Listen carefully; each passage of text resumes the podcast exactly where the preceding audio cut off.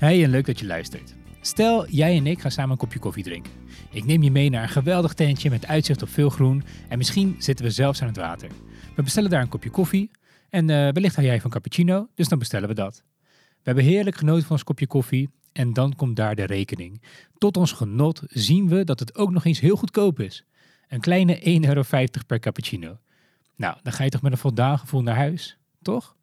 Je hebt immers net voor een koopje op een mooie locatie gezeten, dus jij bent veel beter af. En wees nou eens eerlijk met jezelf. Hoe lang zou jij stilstaan bij die 1,50 euro? Maar laten we het toch even doen. Want hoe kan het nou 1,50 euro zijn? Wat als ik je vertel dat de eigenaar van dat tentje het zo goedkoop aan kan bieden, omdat dit specifiek koffietentje alleen maar koffie serveert dat mogelijk gemaakt is door kinderarbeid. Niet alleen dat, maar van die 1,50 euro gaat ook nog eens maar een kleine 5 cent naar de kinderen. En wat gebeurt er dan met die overige 1,45 euro? Ik maak het nog erger. Normaal zou zo'n kopje koffie, zelfs met kinderarbeid, meer moeten kosten dan 1,50 euro. Maar de sluwe eigenaar bespaart nog eens dik op de kosten door al zijn afval in het water te dumpen, waar jij net lekker aan hebt gezeten. Kortom, een geweldige dag gehad, maar dat gaat wel ten koste van de eerder genoemde kinderen en de omgeving. Oftewel people and planet. Zou dat je ervaring veranderen? Zou deze nieuwe informatie ervoor zorgen dat jij misschien toch niet daar een kopje koffie zou drinken? Oké, oké, ik snap het. Het is allemaal heel dramatisch, maar toch is het niet zo heel ver van de werkelijkheid.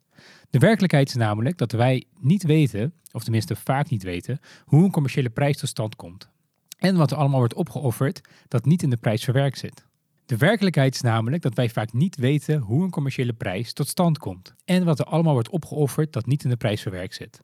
Het zou namelijk ook goed kunnen dat dit koffietentje juist alles fair trade doet en dat de eigenaar nul winst maakt op zijn diensten. Uh, hij heeft gewoon ooit zijn geld verdiend en hij doet dit voor de lol erbij om mensen blij te maken.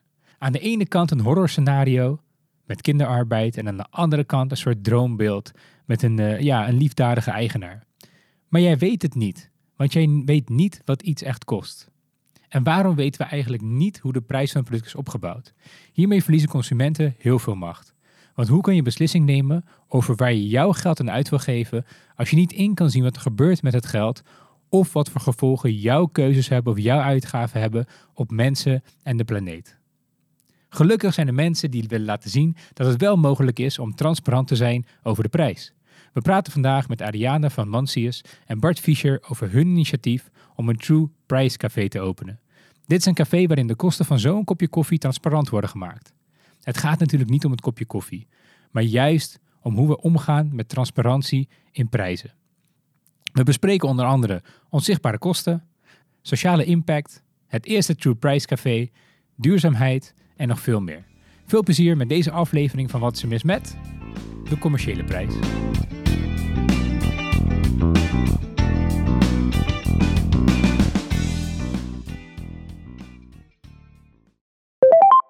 Vandaag zit ik met twee bijzondere gasten aan tafel. Eentje jullie misschien wel bekend voor de mensen die vaak naar mijn podcast luisteren. Dat is namelijk Bart Fischer. Uh, Bart, leuk dat je er weer bij bent. Superleuk. Ik heb met jou ook de allereerste podcast ooit opgenomen. Klopt. Dus voor mensen die uh, dat nog niet hebben geluisterd, de podcast over innovatie. Een van de best beluisterde podcasts trouwens, Bart. Dus wow. Uh, wow. hartstikke leuke aflevering. Zou ook een linkje ernaar plaatsen in de omschrijving van deze podcast. Maar vandaag zitten we voor iets anders, niet voor innovatie. We zitten vandaag namelijk voor True Price. Ook innovatie, hè? Ook innovatie, zeker. Zeker. En ze worden dan ook vergezeld door Ariane. Hallo. Welkom Ariane. Uh, zometeen geef ik je alle gelegenheid om jezelf voor te stellen. Maar voordat we de voorstelrondjes gaan doen, even wat anders. Uh, ik ben gewoon een consument. Even van puur van mezelf gesproken. Ik ga lekker naar een cafeetje toe. Daar betaal ik mijn uh, toch wel forse tegenwoordig 3 euro, 3,20 euro voor een cappuccino. Ja, en dan heb ik het idee van oké, okay, ja, dat vind ik eigenlijk al vrij duur, zo'n cappuccino. Maar daar heb ik er wel echt voor betaald. En heb ik betaald voor alles wat er omheen komt kijken. Maar het doet dus niet zo te zijn. Want wat ik dan daarvoor betaal, daar zit niet per se in de kosten voor de wereld of de maatschappij. Klopt. K klinkt dramatisch, maar zou een dat misschien een beetje toe kunnen lichten? Wat, uh, wat betekent dat nou precies? Jazeker, uh, dat we inderdaad de commerciële prijs voor zo'n kopje koffie betalen. Maar daar zitten vaak nog uh, extra kosten aan die we buiten beschouwing laten. Waaronder inderdaad humane kosten als onderbetaling, maar ook uh, of kinderarbeid. Of uh, aan de ecologische kant ook biodiversiteitsverlies, water, CO2. En die zitten niet in de berekeningen van een commerciële prijs.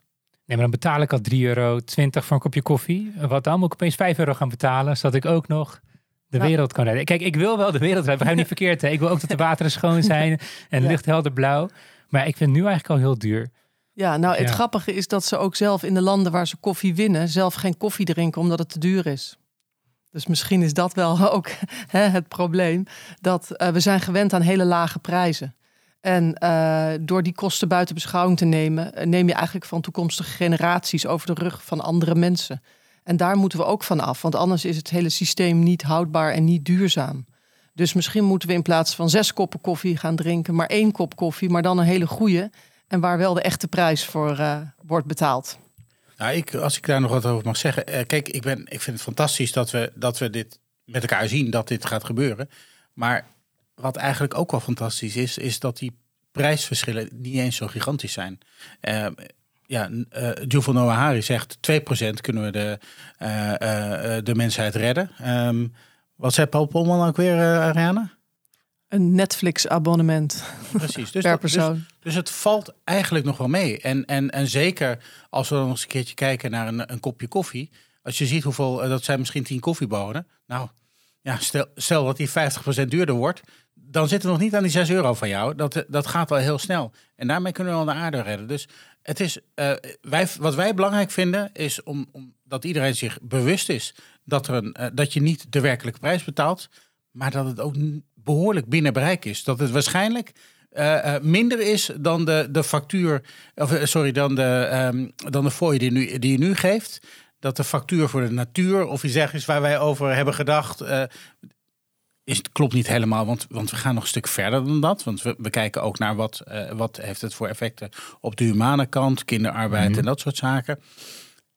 Het is eigenlijk vrij beperkt. En zeker voor die kopjes koffie kunnen we dat, dat vrij, vrij makkelijk doen. Waarin mensen toch over het algemeen iets minder prijsbewust zijn dan in de supermarkt. Ja, misschien is het een goed moment om even te praten, eh, te vertellen dan wat jullie doen. En, eh, en wie jullie zijn en waarom dan interessant is om met jullie hierover te hebben. Uh, Ariane, zou jij het willen spits willen afbijten? Zeker, ik ben Ariane van Mansjes en ik heb een eigen bedrijf in, eh, bedrijf in voed- en verpakkingsinnovaties. Maar werd dus steeds fanatieker en dacht, eh, ik wil er nog wat bij doen. En in het kantoor waar ik gevestigd ben, was er ruimte voor ook een stuk horeca. En zo ben ik eigenlijk op het idee gekomen, want ik wilde echt iets unieks daar neerzetten. Wat zeker met duurzaamheid te maken heeft. Zowel menselijk als ecologisch. En wat nog nooit eigenlijk liefst in de wereld gedaan eh, eh, was. Dat heb ik ooit in eh, 1999 ook in Amsterdam met een sushi bar gedaan met lopende band. De eerste mobiele restaurant op locatie en bezorgdienst. En ik dacht, hoe ga ik dat overtreffen? En dat werd uiteindelijk het eerste True Price Café van de wereld. Uh, want dat bleek na een zoektocht uh, dat dat niet bestond in de wereld. En toen sloeg ik daar toch wel op aan. Want dan heeft het en nieuwswaarde, het is uniek, het is relevant, het is aantrekkelijk en geloofwaardig. En dat is eigenlijk uh, waar ik altijd mijn concepten aan toets of dat zo is. En dan ga ik dat maar gewoon doen. Dus waar ik in een normaal cafeetje uh, 2,20 euro betaal, wat dan anders bij jouw café? Ik onthul nog niet de echte prijs, want dat gaan we nog een keer doen. uh, maar de grap is dat bijvoorbeeld een kilo koffie 108% duurder uh, zou worden als je de humane en de ecologische kant erbij optelt. Maar van die kilo heb je maar 10 gram nodig voor een kopje koffie. Dus dat komt dan uit op 5 cent. Hmm. En daarvan denk ik dat iedereen die heeft voor een lekker kopje koffie. Oké. Okay. Maar ik krijg ook. Als jij voor 5% de wereld kunt. Uh, uh, kunt ik zou het niet doen. Ik ben, een, ik ben Joods. Dus ik, uh, ik hou die 5% gewoon. Nee, natuurlijk. Het klinkt helemaal niet als zoveel. Nee, en dat is wel interessant. Hè? En dus dat vinden wij gewoon belangrijk. En dat is denk ik ook een van de belangrijke redenen dat we gestart zijn met het café. Dat je daarmee dat, dat duidelijk kunt maken. Die awareness creëer je. En tegelijkertijd, oh, maar het is eigenlijk best wel binnen handbereik. En wat is jouw rol daarin, Bart? Ik help Ariane een beetje mee. Ja, dus, okay. uh, nee, wij, wij hebben er samen naar gekeken en uh, uh, samen gekeken hoe we dit, uh, dit concept verder kunnen versterken. Maar ook uiteindelijk een van de dingen die ik, die ik doe, is veel real-life testen. En we weten eigenlijk nog heel weinig van, van hoe werkt dit. Willen we mensen dan, gaan mensen automatisch, moeten we dan zeggen, dit, dit is 5 cent duurder? Mm. Of laten we het vrij? Of zeggen we, dit, dit zou 5% zijn, maar laten we het vrij. Dus we gaan middels wat meerdere interventies kijken. Wat is de beste manier om te vertellen? Is het dan de beste manier om het op de menukaart te zetten? Of, of zetten we aan het eind een pot en dan mogen mensen geld ingooien? Weet je, we hebben geen idee. Maar, maar dit is eigenlijk wat wij... Wij willen hier kennis creëren met elkaar. En als we dat op een gegeven moment weten... dan kun, kunnen daar op een gegeven moment ook andere eh horecagelegenheden en dergelijke gebruik van maken. Om, om dat door te zetten. Dus, dus we willen gewoon snappen hoe, hoe, hoe gaat die, eh, die, die gast daarmee om? Hoe kunnen we die het beste helpen om daarin eh, in, eh, verder te gaan? Ja, niemand die dat beter kan dan jij, denk ik, met jouw achtergrond in innovatie en retail. Dus eh, ja, lijkt, ja, een mooie combinatie hebben jullie gemaakt zo. Toch even terugkomen op wat er anders is van een gewone café en een True Price café. Oké, dus de prijs is anders. Het is niet veel duurder, maar het is dan een beetje duurder. Maar wat is nog meer anders? Want krijg ik een andere menukaart? Of wat zijn nog meer verschillen? Ja, dan je komt eigenlijk binnen en dan ga je op een stip staan. Dan krijg je een, eh, zoals wij hier nu ook zo mooi zitten met een eh, headphone op. Krijg je eigenlijk een soort guided tour. Waardoor je de achtergrond goed geschetst krijgt. Want het is nog steeds toch wel een onbekend onderwerp voor veel mensen. Die zeker passanten die langskomen. En dan gaan ze vervolgens zitten en dan krijgen ze een menukaart. En die kan, wat Bart net zei, die kan wisselend zijn. Dus eh, we gaan drie maanden testen met eh, vrijwillige eh, bijdragen, met verplichte true price. En wij gaan kijken hoe klanten daarop reageren. Daarnaast is onze medewerker geen horeca-meewerker puur zang, maar eigenlijk onderzoeker. Want wij noemen onszelf ook een living lab. En eigenlijk ben je gewoon onderdeel van een experiment. En eh, wij willen graag met gelijkgestemden, maar ook met eh, gewoon hè, passanten en mensen die het leuk vinden, ook eh, hierover praten, debatteren. En we gaan daarin ook een soort reeks, elke derde donderdag van de maand, sessies houden over allerlei invalshoeken. Want Hmm. True Price kent nog heel veel ehm, zaken die niet zijn uitgezocht. Ik noem BTW, ik noem mededinging. Er zijn nog heel veel zaken eigenlijk niet belicht. Of die zijn nog niet in, in wetten vastgelegd. Dus er is nog heel veel eh, te ontdekken en te onderzoeken. Oké, en dan die experimenten, daar had jij het ook over, Bart. Van oké, we gaan experimenten draaien. Maar wat is het doel dan? Eh, even los van de True Price Café. Dat is een supermooi initiatief. En het, het creëert ook echt wel awareness onder de mens. Van hey, eh, wat betaal ik nou eigenlijk voor een kopje koffie? En, en wat betaal ik niet misschien voor een kopje Ja, koffie? Wat ja. wel een prijs heeft. Ehm, maar goed, dit kan je toch op alles toepassen? Ik bedoel, als ik een shirt koop, als ik een t-shirt koop ergens in de binnenstad. Ja, ik, ik, ja, prijs speelt wel een belangrijke rol, ook voor mij. Ik heb geen idee of het door kinderhandjes is gemaakt. Ik hoop van niet. En als een labeltje staat van niet, dan misschien dat het dan aantrekkelijker is voor me. Maar eh, puntje bij paaltje, die hele supply chain. Ik heb geen idee waar het vandaan komt. Ik kan het niet voelen, ik kan het niet ruiken. Ja, maar- dan steek je eigenlijk gewoon een beetje je, je kop in het zand, eh ja, Misha. Is dat zo? Ja, want dit- jij weet het natuurlijk wel, hè? Je weet het wel. En iedereen weet dat, dat het uiteindelijk... Ik wil, het is volgens mij was het gisteren, Earth Overshoot Day of, eh, of eh, vorige week. Dus weet je, dat weten we allemaal. En, en het is wel lekker om je, eh, je kop in het zand te steken. En ehm, nou ja, waarom hebben we dus ook een, een True Price Café gedaan? Weet je, daar gaat het veel meer over, over beleving. Ik noemde ook expres de gast. Het gaat over een gast. Maar wat je zult zien, en ehm, ik heb in het verleden ook wel wat te maken gehad eh, en, of samengewerkt, een klein beetje met eh, InStock, waar je, waar je ehm, producten kon kopen die eigenlijk bijna over de datum ging. En het interessante is, je hebt het gevoel dat je wat goeds doet. En dan is toch uiteindelijk, verwacht ik ook hier, dat het kopje koffie net een beetje lekkerder is. Dat je het gevoel hebt dat je hebt lekker gezeten met je vriend, eh, vrienden, met je vriendinnen. Je hebt wat, wat gedronken en uiteindelijk ga je weg. En je hebt iets goeds gedaan voor de aarde. Je hebt de wereld niet slecht achtergelaten door jouw kopje koffie. Ik eigenlijk een klein beetje beter. Door dat kleine kopje koffie. En, en dus Door die 5%. vijf cent eh, zelfs Vijf maar, cent werd, zelfs, eh, werd, ja. eh, werd gezegd. Dus, dus ik denk dat dat een heel groot verschil is. En, ehm, en, en ja, dat goede gevoel, dat ga je ook weer uitdragen. Dat vertel je weer tegen andere mensen. Dus ik denk dat dat misschien wel het grootste verschil gaat zijn voor de, voor de gasten.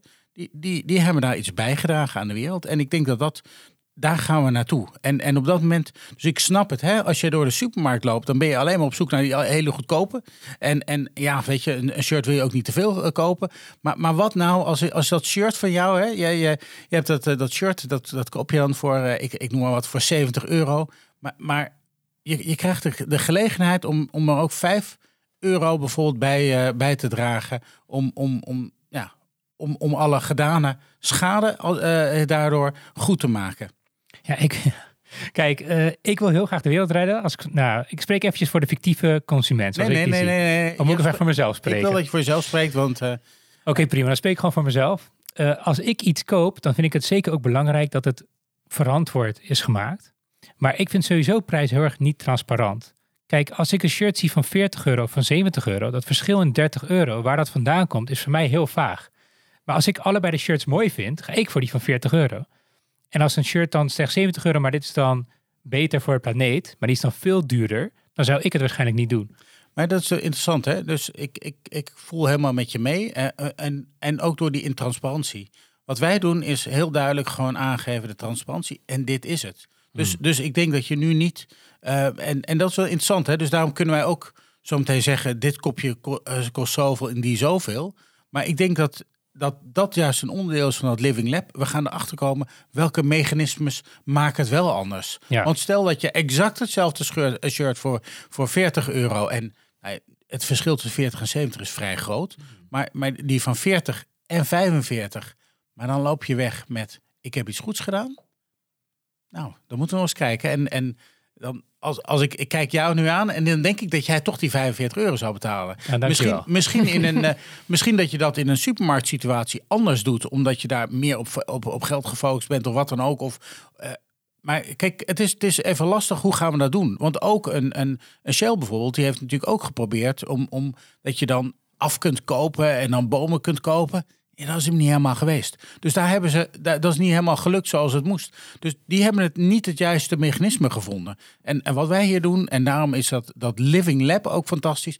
Wij gaan net zo lang door totdat we het mechanisme hebben gevonden. Totdat we het snappen, totdat, zodat we het kunnen dupliceren en dat anderen het ook kunnen gebruiken. En dat is denk ik wel een heel groot verschil met, met de rest. Eh, ehm, en, en het feit dat we mensen even uit hun, uit hun standaard eh, format halen, dat is denk ik belangrijk. En dat doe je in een café. Want het is, ziet er picobello uit. Je zit er lekker met je vrienden, je vriendinnen. Je hebt misschien nog wel enige groepsdruk om nog wat extra te geven. Dus, dus dat zijn allemaal elementen die je daarin mee kunnen, kunnen helpen. Dat is denk ik weer anders dan wanneer je misschien in je eentje even heel snel eh, eh, haast hebt en, eh, en gewoon een nieuw blauw shirt moet hebben. Ik, eh, iets wat je net zei, triggert mij onwijs. En doet me denken aan, ook al zou het er staan. Kijk, ik ben een heel erg wantrouwende consument. Ik zou vertellen hoe dat komt. Ik heb het idee dat als ik door een winkel loop, eh, dat er allemaal marketingtrucjes worden uitgehaald om mij tot kopen over te laten gaan. En voor mij zijn die marketingtrucjes niet altijd even transparant. Dus als we weer terugkomen op die shirt tussen de 40 en 60 euro. Ik weet niet wat het verschil is precies. Is het dat merkje dat erop zit? Zijn het inderdaad de extra kosten voor dat gebouw waar ik in rondloop? Ik, ik heb gewoon als consument heb ik helemaal geen idee in. Dus op het moment dat ik twee shirts zie die voor mij hetzelfde eruit zien, maar eentje is veel duurder, maar die wordt toch naar mij gepusht, dan, dan denk ik van ja, dan ga ik toch voor de goedkopere variant. Dus hoe weet ik als er dan toch zo'n true price op staat, dat dat wel echt dan de, de true price is? Ja, nou ja, dat is natuurlijk wel het hele systeem waar je dan over kan gaan twijfelen. En daar zijn natuurlijk eh, bepaalde keurmerken voor. Dat is nog op True Price niet het geval. Hè, dat is nog niet door een bepaalde Tuverein of Ja. andere instantie eigenlijk geaccrediteerd. Ik denk dat dat wel naar de toekomst toe gaat gebeuren. Dat dat soort systemen eh, wel eh, beter geaccrediteerd ook moeten worden. Zodat zo'n consument ook beter weet wat voor een keurmerk waarvoor staat. Maar op dit moment is keurmerk ook gewoon nog een businessmodel. En de, de- ja, voor de consument is het soms een oerwoud. Is dat zo? Het beter leven kip, is dat een eh, businessmodel? Ik weet niet of het beter leven. Ik denk het wel zelfs. Want bijvoorbeeld hè, On Our Way to Planet Proof, daar moet je gewoon echt ook voor betalen. En B Ah. Corp in eh, eigenlijk ook. Dus eh, ja, er zijn, dat is echt een businessmodel op dit moment nog. Het geeft je ook wel voordelen, maar voor die consument, ik heb laatst dat hele B Corp ingevuld tot de laatste. eh, om dat te precies? zien, eh, dat is een bepaald keurmerk waarin je bijvoorbeeld dit soort zaken moet regelen. Dat je dus een, een toezichthouder hebt en eh, het gaat van vervoer tot pand tot hoe je je processen indeelt en hoe die worden bekeken. Ehm, dus dat gaat best wel ver. Hmm. Eh, en toch zijn er nog heel veel dingen natuurlijk. Want uiteindelijk blijven we wel consumeren. Hè? Eh, Rituals is nu net B Corp geworden. Ze hebben nu een pas- prachtige paasactie. Een heel mooi verpakking van paperfoam met een paasei erin. Maar er zitten natuurlijk toch allemaal producten in. En als je het niet koopt, is het eigenlijk toch beter. Dus dat is best wel het lastige. Dat is misschien ook de andere kant van het verhaal, Riane. Ik heb wel, kijk, ik zei net al, allemaal marketingtrucs, maar aan de andere kant, ik heb ook het idee dat de klant is koning. Dus op het moment dat ik als klant iets wil, dan ga ik het ook krijgen. Eh, en ja, vaak willen klanten, lijkt mij, toch wel iets van prijs. Ja, dat denk ik ook. Nog heel even terug naar jouw, eh, jouw, jouw wantrouwende zelf. En eh, eh, kijk, we hadden het net over een shirt van 40 euro en 70 euro. Maar als we even uitgaan van, eh van Hari, die heeft 2%. Dus dan gaat het over jouw Dat zou van, ik doen, van ja. 70 euro en van 71,40 euro. Dat zou ik doen. Nou, Ja, precies. Ook als Maar- ik niet zeker weet waar het heen gaat, zou ik Nou, misschien waarschijnlijk 2 euro ook nog wel. En dan denk je, ach, we- weet je wat? Precies. Dus, dus naast het feit dat er zeker noodzaak is voor keurmerken en dat eh, goed gaat, denk ik dat we nu in eerste instantie een, een, go- een goede stap zetten.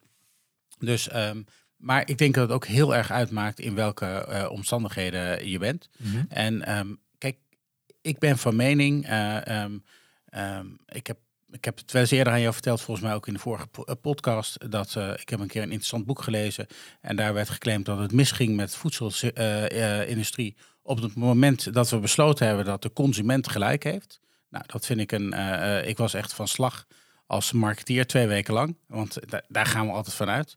Maar ehm, eh, het werd ge- geïllustreerd met, een, eh, met iemand die bij, kwam bij een slagerij in, eh, in Toscane. En daar, die, die wilde dan een bepaalde ham hebben. En die slager zegt, ja, maar hij is nog niet klaar. Hij moet nog twee weken hangen.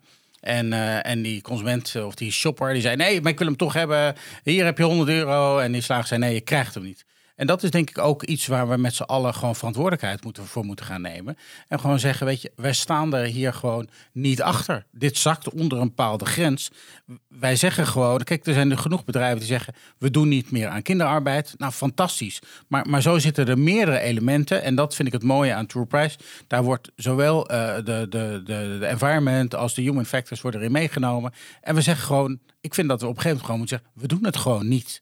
En, en door die awareness te creëren die we nu doen, wordt het op een gegeven moment duidelijker dat je bepaalde dingen veel duurder worden dan andere. Dus, dus naast het feit dat je extra gaat betalen, ga je dus ook andere dingen naast elkaar zien. En heb je zo meteen iets van, van dus gaan we jouw, voorbeeld, jouw extreme voorbeeld. Stel dat dat shirtje van jou van 40 euro voor 40 euro aan externaliteiten heeft.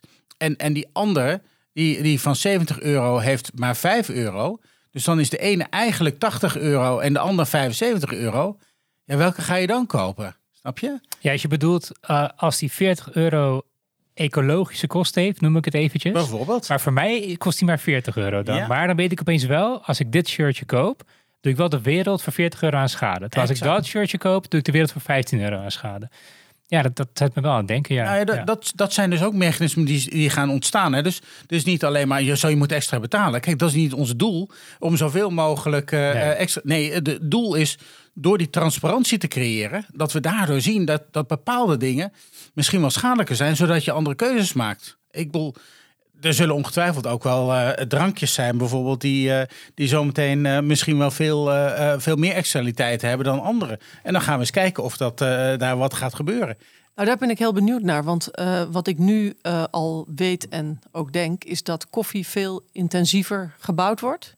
In viezere ketens en eh, meer druk op het land dan bijvoorbeeld thee. Hmm. Eh, en dan zou je kunnen kijken van, hé, hey, misschien neem ik één koffie per dag en drie thee in plaats van vijf koffie. Dus eh, dat vragen mensen ons natuurlijk ook van, hè, ga je dan eh, een cappuccino, een gewone koffie, een espresso allemaal naast elkaar zetten? Nou, ja, dat zijn voor vervolgonderzoeken interessante onderzoeken. Maar ik vind het wel straks interessant hoe sap, thee en koffie zich met elkaar verhoudt. En het liefst ook nog water en melk. Eh, om, om te gaan kijken, want dan kan je als consument gaan sturen, wat ga ik nemen? En dan weet je het ook, anders weet je het ook gewoon niet. Nee, precies. Exact. Nou, zo hebben we bijvoorbeeld ook gezien bepaalde drankjes waar dan gember in zat, die opeens enorme extra, externaliteiten hadden. Ja, ga je dan dat drankje met gember nemen of neem je dan gewoon die appelperensap?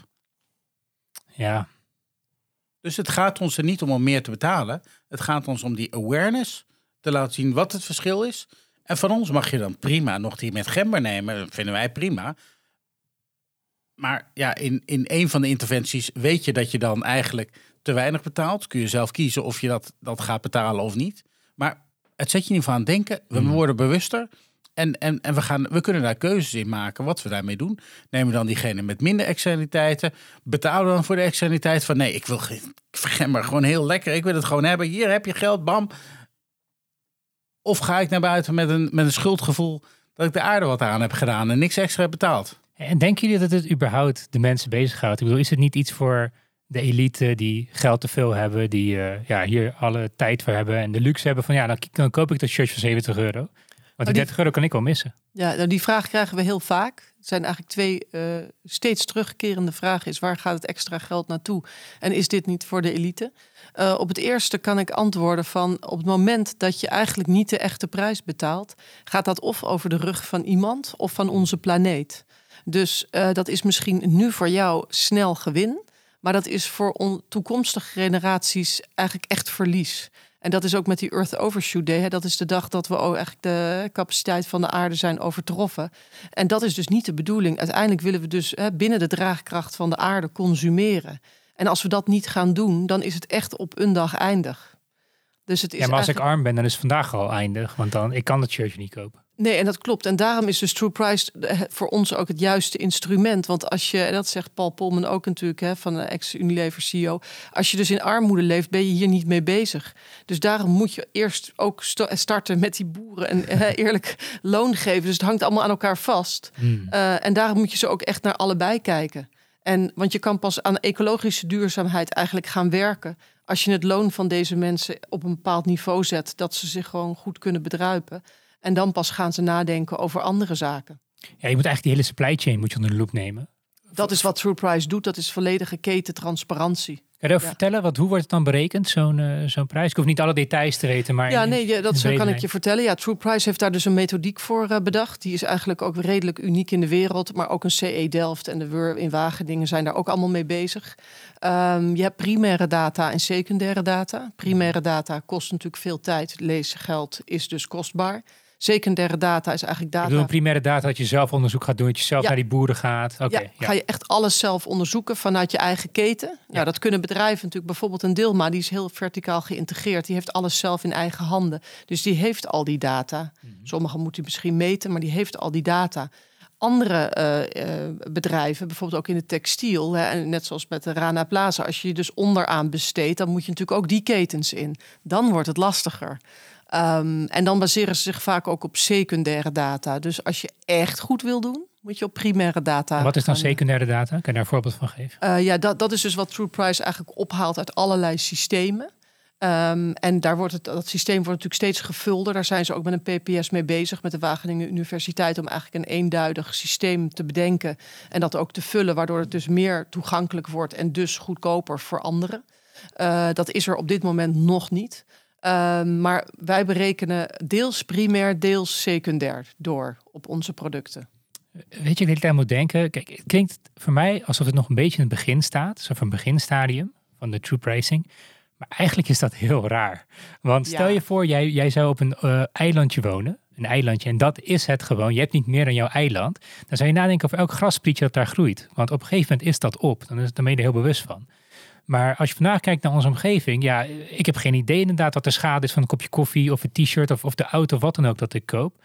Maar hoe kan het zo zijn dat dat nu nog niet is gebeurd? Waarom is dat nog niks? Is het omdat wij, uh, ook al dumpen wij alle afval in de zee, ja, we zien het niet, we voelen het niet, we ruiken het niet, dus het boeit ons ook niet? Nou ja, ik, ja, ik was op een congres, de Plastic Free Conference uh, in Duitsland en daar uh, sprak Cian Sutherland de mooie woorden vond ik van uh, we moeten eigenlijk van consumers naar citizens gaan. Mm. Want consumers nemen alleen maar en zijn niet wederkerig en niet zuinig op het systeem.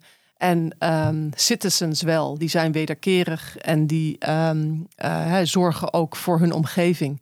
Het is nog steeds idioot, want hè, wij als mensen houden ons huis netjes. Precies. Maar de home of mankind houden we niet zo netjes. En we storten nog altijd bijna 79% van ons afval in zeeën en onze planeet. Ja, daar wil ik liever niet over nadenken. Maar, maar als, het als ik het dan nog iets uh, persoonlijker maak. Want mm. uh, je hebt net een paar keer gesproken als, uh, als consument. Mm. van, over search van 40 euro en 70 euro en dergelijke.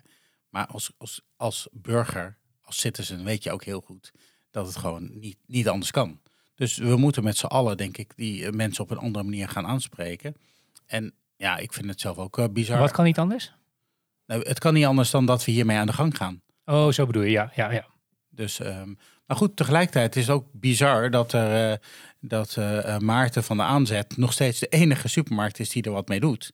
Het is ook bizar dat, uh, dat, dat, dat, dat wij nog de eerste True Price Café zijn. Dat, dat, dat alle URL's nog vrij waren en dergelijke. Dus het is een belangrijke beweging op dit moment. En je ziet dus ook dat er heel erg veel aan het veranderen is op dit moment. Kijk, waar, waar vorig jaar nog werd gesproken over het verlagen van de, van de BTW op producten en dergelijke. Ja, is daar nu veel en veel meer aandacht voor, uh, voor True Price. Dus um, Ik weet eigenlijk ook niet waarom. Uh, het is wel een, een, wat nog wel echt lastig is, dat, is dat uh, het heel duur is om, uh, om alles uit te rekenen. Wat kost het? Mm. Dus dat maakt het ingewikkeld.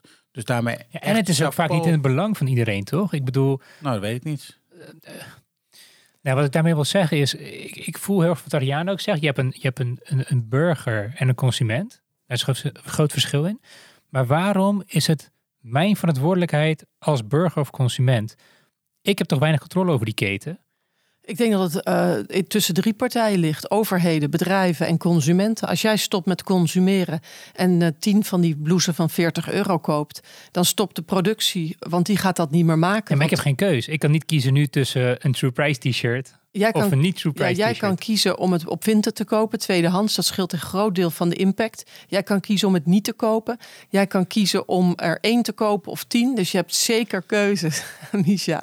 Ja, ik zit heel zuur te kijken. ja, Maar oké, oké, ja. je hebt En wat gelijk. leuk is, Ja, omdat, la- laten we gaan Misha bashen. Gewoon eh, even consument bashen. Ik ga het achteraf allemaal editen dat ik er heel slim uitkom hoor. Dus Ja. eh, maak je maar geen zorgen. wat wel interessant is om te weten, Misha, dat is twee dagen geleden eigenlijk aangenomen in het Zweedse parlement, is dat ze ingezien hebben dat 40% eh, van de eh, footprint eigenlijk in eigen land plaatsvindt en 60% daarbuiten.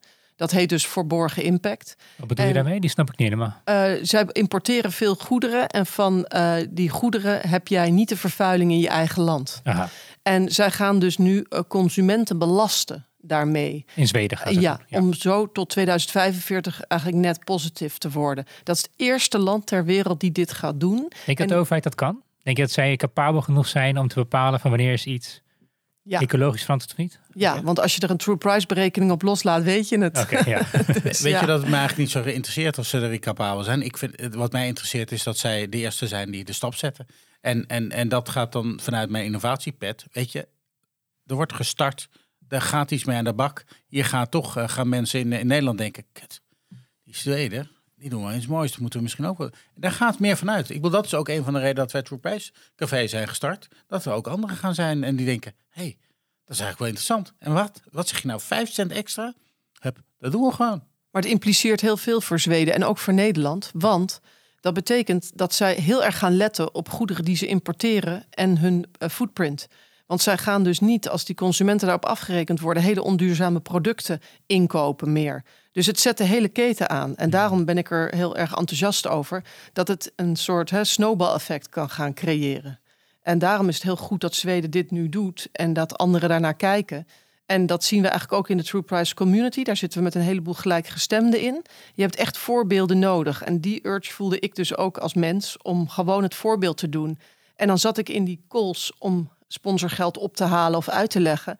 En dan eh, zei ik altijd, en ik kan geen ROI afgeven. Want ik weet niet wat ik ga tegenkomen onderweg. Het is een experiment.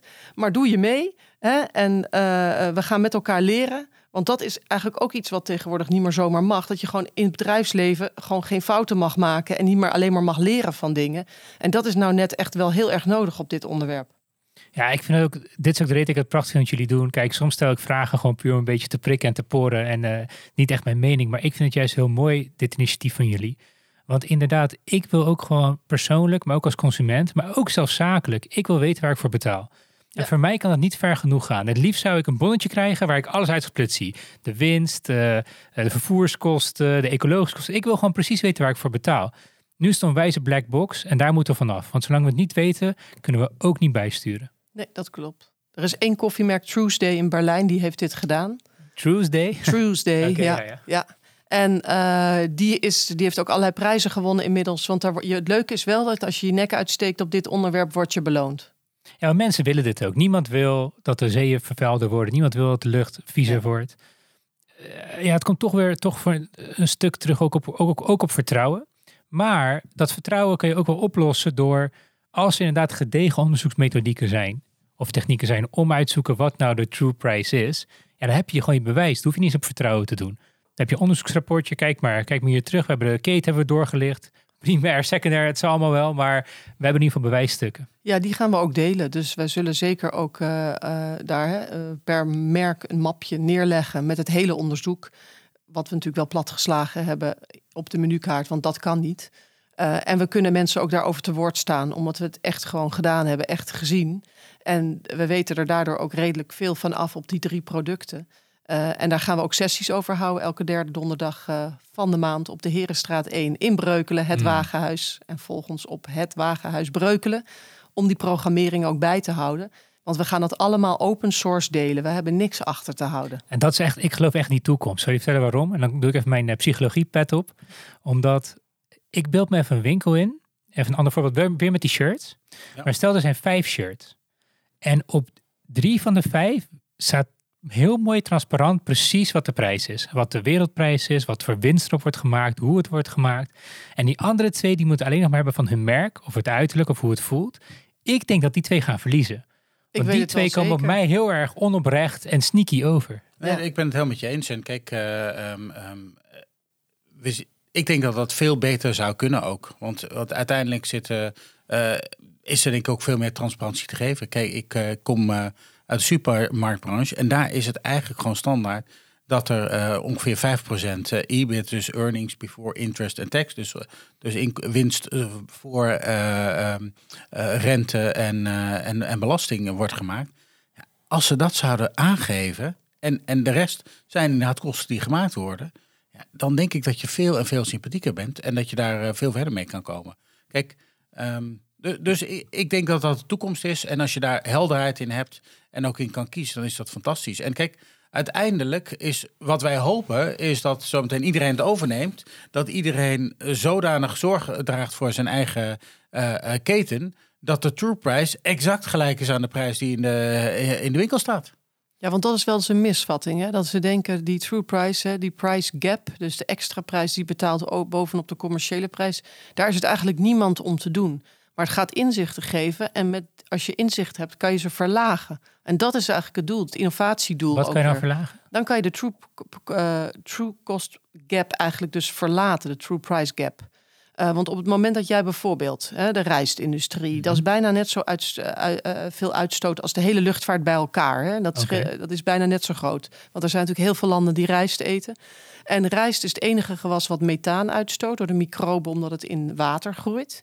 En aan het einde gaan ze massaal alle strootjes verbranden. En bij dat verbranden komt heel veel CO2 vrij. Terwijl je kan ook van die strootjes plaatmateriaal maken of een soort eh, Lego-blokjes om huizen van te bouwen. Dan heb je dus niet de CO2-uitstoot van het verbranden.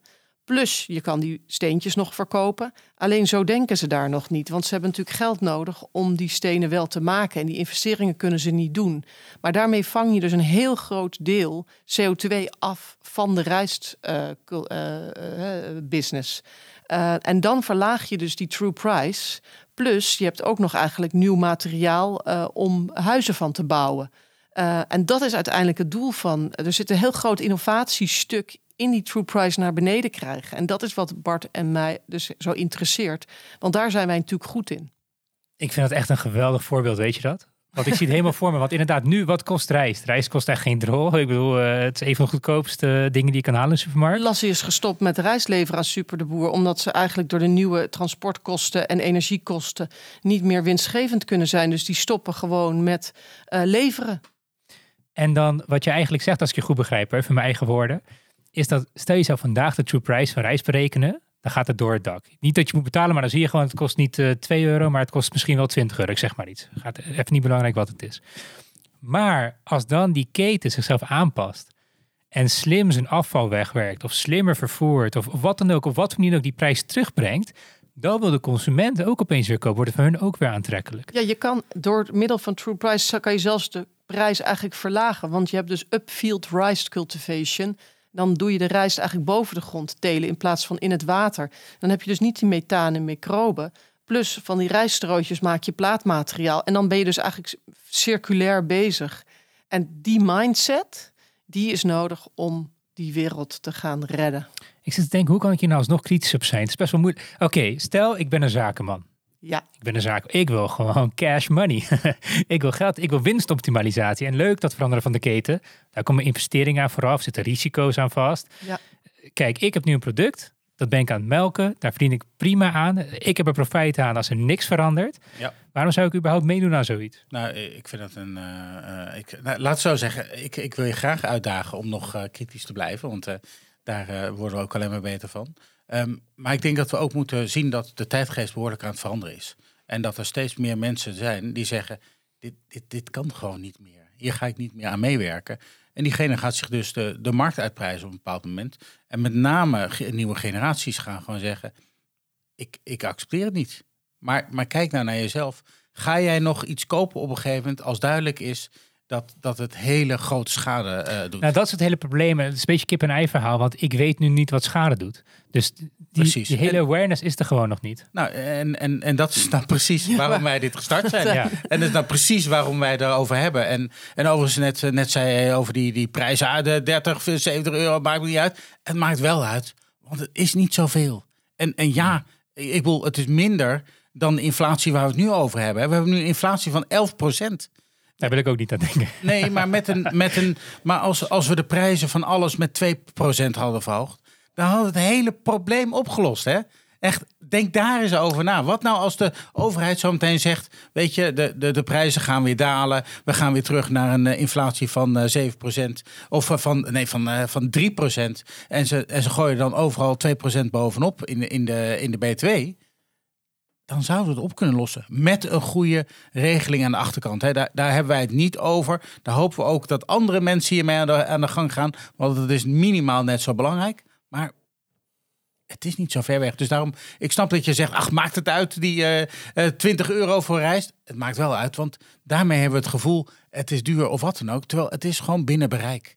Maar het gaat hier ook heel Hmm. erg over unaware. Als je het niet weet, kan je gedrag niet veranderen. In de circulaire Je economie. kan geen keuzes maken. Nee, in de circulaire, circulaire economie is gedrag bijna voor 70% een hele belangrijke eh, eh, eh, variabele, eigenlijk de belangrijkste 70%.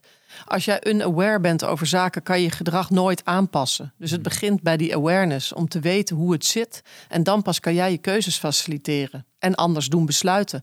Want als we namelijk aan die blouse van 40 euro kinderhandjes zitten en die van 70 niet, dan weet ik zeker welke jij koopt. Die van 70. Juist. Ja. Nou ja, en, en, en kijk, op dit moment kun je niet, als jij een kopje koffie eh, eh, eh, eh, koopt, kun jij niet die schade te, te niet doen. En dus ik Ja. ben heel benieuwd of jij eh, de volgende keer dat jij Nou- een eh, kopje koffie eh, neemt, of je dat dan gaat afvragen. Waar ik het meest vervoel is, kijk, ik ben eerlijk gezegd sceptisch nog steeds, Bart, over dat idee van als we maar meer geld tegenaan smijten, dan wordt het opgelost. Of het nou 2% of 5 of, of wat dan ook. Maar dat voorbeeld van Ariane over die supply chain eigenlijk dwingen om beter met de wereld om te gaan. Ja, ik zie daar nog veel meer winst in. Maar dat, dat is eigenlijk weer in het verlengde. Dat is eigenlijk weer de overtreffende trap van die prijsverhoging. Want het gaat niet om hoeveel je betaalt voor iets. Ook niet of het 2% duurder is. Het gaat erom hoeveel schade doet dit aan de wereld. Ja. Exact. Daarom en ik wil het het ook niet afkopen. Kijk, ik- het is ook niet zo dat... Volgens mij hoor, nu spreek ik even voor jullie. Maar volgens mij is het ook niet zo dat, oké, als dit product gemaakt wordt, dan wordt er zoveel afval gestort in de zee. Dus betaal maar 2 euro. Nee, het gaat niet om het betalen voor het storten in de zee. Het gaat erom, dat moet gefixt worden. Dat Ja. mag niet meer gestort worden in de zee. Dat kost geld Ja. en daar betaal je voor. Ja. Wil je reclame voor ons gaan maken? Want eh, we zijn het helemaal met je eens. Dus Ja, dit is precies nou ja, waar het over gaat. nu Het weten. gaat ons ook niet om, om meer geld te betalen. Het gaat om Nee. die awareness. En dat mensen op een gegeven moment keuzes Ja. gaan maken. Want net als, stel nou dat je het niet kunt fixen voor rijst. Ik bedoel, eh, het voorbeeld van Ariane is Mm. fantastisch. Maar dan zou het zomaar kunnen zijn dat je denkt, nou we nemen vanavond al pasta. Ja. Ja, of we nemen aardappelen. Ja. Want dat is beter. Want dat is interessant. Hè? De aardappelteelt, eh, het schap wordt steeds kleiner. Terwijl elke aardappel ligt gemiddeld 60 kilometer van jouw bord. Heeft heel veel eh, voedingsstoffen, meer dan rijst, hè? witte rijst. Een aardappel, veel meer vitamine B12, B6. Ehm, en de aardappel is volledig uit de gratie.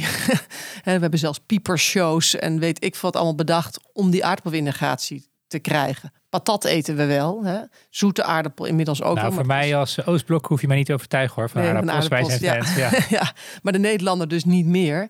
En gaan dus massaal over op allerlei andere dingen. Quinoa uit Zuid-Peru en alles. Maar die, die true- true price gap van een aardappel versus rijst of quinoa is natuurlijk totaal anders. Dus je kan, als je dat weet, al hele andere keuzes maken. Mhm. Met je gezonde verstand. Ik ben benieuwd ook wat de gemiddelde burger, stel je voor je loopt door een groenteschap, of die wil weten hoe ver, eh, wat voor afstanden die producten afleggen. Bananen groeien niet om de hoek. Nee, En, nou, eh, ik, daar kan ik wel wat op zeggen. Ehm, want het staat wel op de. Vrijwel iedere ehm, eh, supermarkt geeft aan waar het vandaan komt. En, eh, en, en vlaggetjes met Nederland op, die gaan beter. Maar, maar goed, dan nog is met z'n allen de vraag. Eh, wat is dan beter? En, eh, Ja, precies. Een, eh, een, een, iets wat in de kast wordt geteeld. Of dat in Kenia... komt het met de boot, komt het met het vliegtuig. Het zijn allemaal- factoren. Dus precies, dus al die factoren, en dat vind ik dus alleen al heel mooi aan, aan bijvoorbeeld True Price, dat hij al die factoren meeneemt en, en aangeeft wat de impact daarvan is. Maar uiteindelijk willen we gewoon die impact niet. Verwacht ik ook dat we met z'n allen daar op basis daarvan die keuzes gaan maken en zeggen: hey, ik ga dan voor dit product met minder impact of wat dan ook. Nou, dan, dan gaan we op een gegeven moment dus minder concurreren op prijs, maar ook, min, eh, maar ook wel concurreren op impact. En dan wordt het dus wel heel anders. Ehm, als mensen gecharmeerd zijn van het initiatief, jullie willen helpen, hoe zou ze dat het beste kunnen doen? Ze kunnen mij bellen. Ik zal je nummer in de omschrijving eh, plaatsen. Ja, zeker. En Ja, we hebben heel veel eh, kennis en learnings opgedaan eigenlijk in de praktijk op dit onderwerp. Of het nou over food gaat of over eh horeca setting. En dat is eigenlijk ook wel ons model. Zo willen wij graag de investering in tijd en geld die wij gedaan hebben om dit initiatief eigenlijk toch wel belangeloos in de markt te zetten, om zo weer terug te verdienen. Want eh, ons doel is ook nog meer natuurlijk kennis en nog meer berekeningen te laten maken ook. Maar daarvoor moeten wel ook wel weer gelden binnenkomen. Eh, naast dat het een fantastische ride is eigenlijk op dit moment. En dat je in al die netwerken komt en over dit onderwerp kan meepraten. Ehm, eh, ja, is dat natuurlijk ook heel leuk als we die, eh, die ripple kunnen creëren. En dit bij veel meer bedrijven kunnen gaan implementeren. En wij hebben al eh, overal ons hoofd gestoten. we weten precies wie waar we het voor nodig hebben. Dus dat is dan onze winst. Ja. En je kan natuurlijk ook een bezoekje nemen aan het café. Waar staat hij? Absoluut. Herenstraat 1, midden in Hartje Breukelen. Het Wagenhuis. En u kan ons volgen op Het Wagenhuis Breukelen op Instagram. Daar is de programmering ook te zien. Of www.het-wagenhuis.nl. En eh, misschien nog ik nog even van jouw tijd gebruik maken. Dat we nog een. eh wij zoeken nog een onderzoeker, hospitality coördinator. Dus wie dit hoort en denkt 24 tot 32 uur per week. eh, dit vind ik leuk, betaalde baan, wel een startersfunctie. Dan kan je ons ook bellen. Top. Top. Ehm, hartstikke bedankt. Ik vind het echt mooi wat jullie aan het doen zijn. Hebben jullie nog bepaalde dingen die jullie over dit topic kwijt willen? Nou, ik zou eigenlijk wel leuk vinden om eh, over een jaartje nog eens een keertje terug eh, te komen. Want wat ik al zei, het gaat best wel hard op dit vlak. En ik denk dat er... eh, ehm, nou, we gaan zoveel learnings opdoen de komende tijd, dat ik die heel graag zou willen delen. Kijk, we zitten nu heel du- duidelijk in de awareness, maar we kunnen over een tijdje ook duidelijk delen wat werkt het beste, wat is de reactie van klanten, hoe, hoe, hoe, hoe reageren ze erop. Dus al die fictieve voorbeelden die wij hadden over die t-shirts, die gaan jullie echt in de praktijk brengen, maar dan met koffie. Exact. En over een jaar weten we wat de consument of eh, de citizen, hè, kijken wat het is over een jaar, wat hij doet. Nou ja, eh, maar, maar dat is leuk om over die rollen Ja, na te denken. Hè? Ja. Dus daarom, we hebben het over de consument gehad, over de burger gehad, over de shopper gehad en over de gast. Weet je, en dat zijn allemaal verschillende rollen waarin mensen staan, waarin ze openstaan. Dus kijk, als er andere mensen zijn die zeggen, ja, maar ik zou het toch wel een keer in een supermarkt willen proberen. Of die zegt, ik zou het toch wel graag eens een keertje op een heel andere locatie. Ja, dan kunnen we daarbij helpen, kunnen we meekijken. En dat helpt ons ook alleen maar om nog meer learnings op te doen, zodat we het groter maken. Want dat is eh, eh, het primaire. Ja, en eh, ja, misschien is het ook wel leuk als jij de volgende keer een kopje koffie bij een restaurant koopt. Dat je zegt, en nou, ik wil graag eh, 50 cent voor de, voor de verborgen impact, voor de true price afdragen. En kijken hoe ze reageren. Ik, ik vind het een top idee. Eh, bij deze afgesproken over een jaar gaan we het opnieuw doen en dan gaan we Ja. kijken of we dan eh, iets nieuws hebben geleerd. Nou, het leuke is dat ik dus nu 20 jaar later, na die sushi bar, ik heb toen 117 televisieprogramma's opgenomen en eh, artikelen geschreven. En iedereen vroeg aan mij: gaan we ook in Maastricht sushi eten? En ik zei volmondig ja. En ik werd echt uitgelachen. En we Mm. weten natuurlijk allemaal wat er gebeurd is met sushi. En ik hoop dat we over 20 jaar hier zitten. En dat ik eh, zeg bij, ja, bij deze: eh, we gaan naar het systeem de vervuiler betaalt. En dat je me nu uitlacht. en nog Ja. die blouse van 40 euro koopt. En over 20 jaar lach ik jou uit en denk: potverdorie. en ze heeft toch gelijk gehad. Eh, Ariane, ik, nu staat het ook op audio opgenomen, dus niemand Ja. kan eromheen. Als het Nee. over 20 jaar zo is, dan hebben we bij deze bewijs. Yes. Vind ik een mooie afsluit. Dank jullie wel voor jullie komst. En nou, dan gaan we het over een jaartje voor oppakken. Dankjewel. Top. Dankjewel voor je tijd.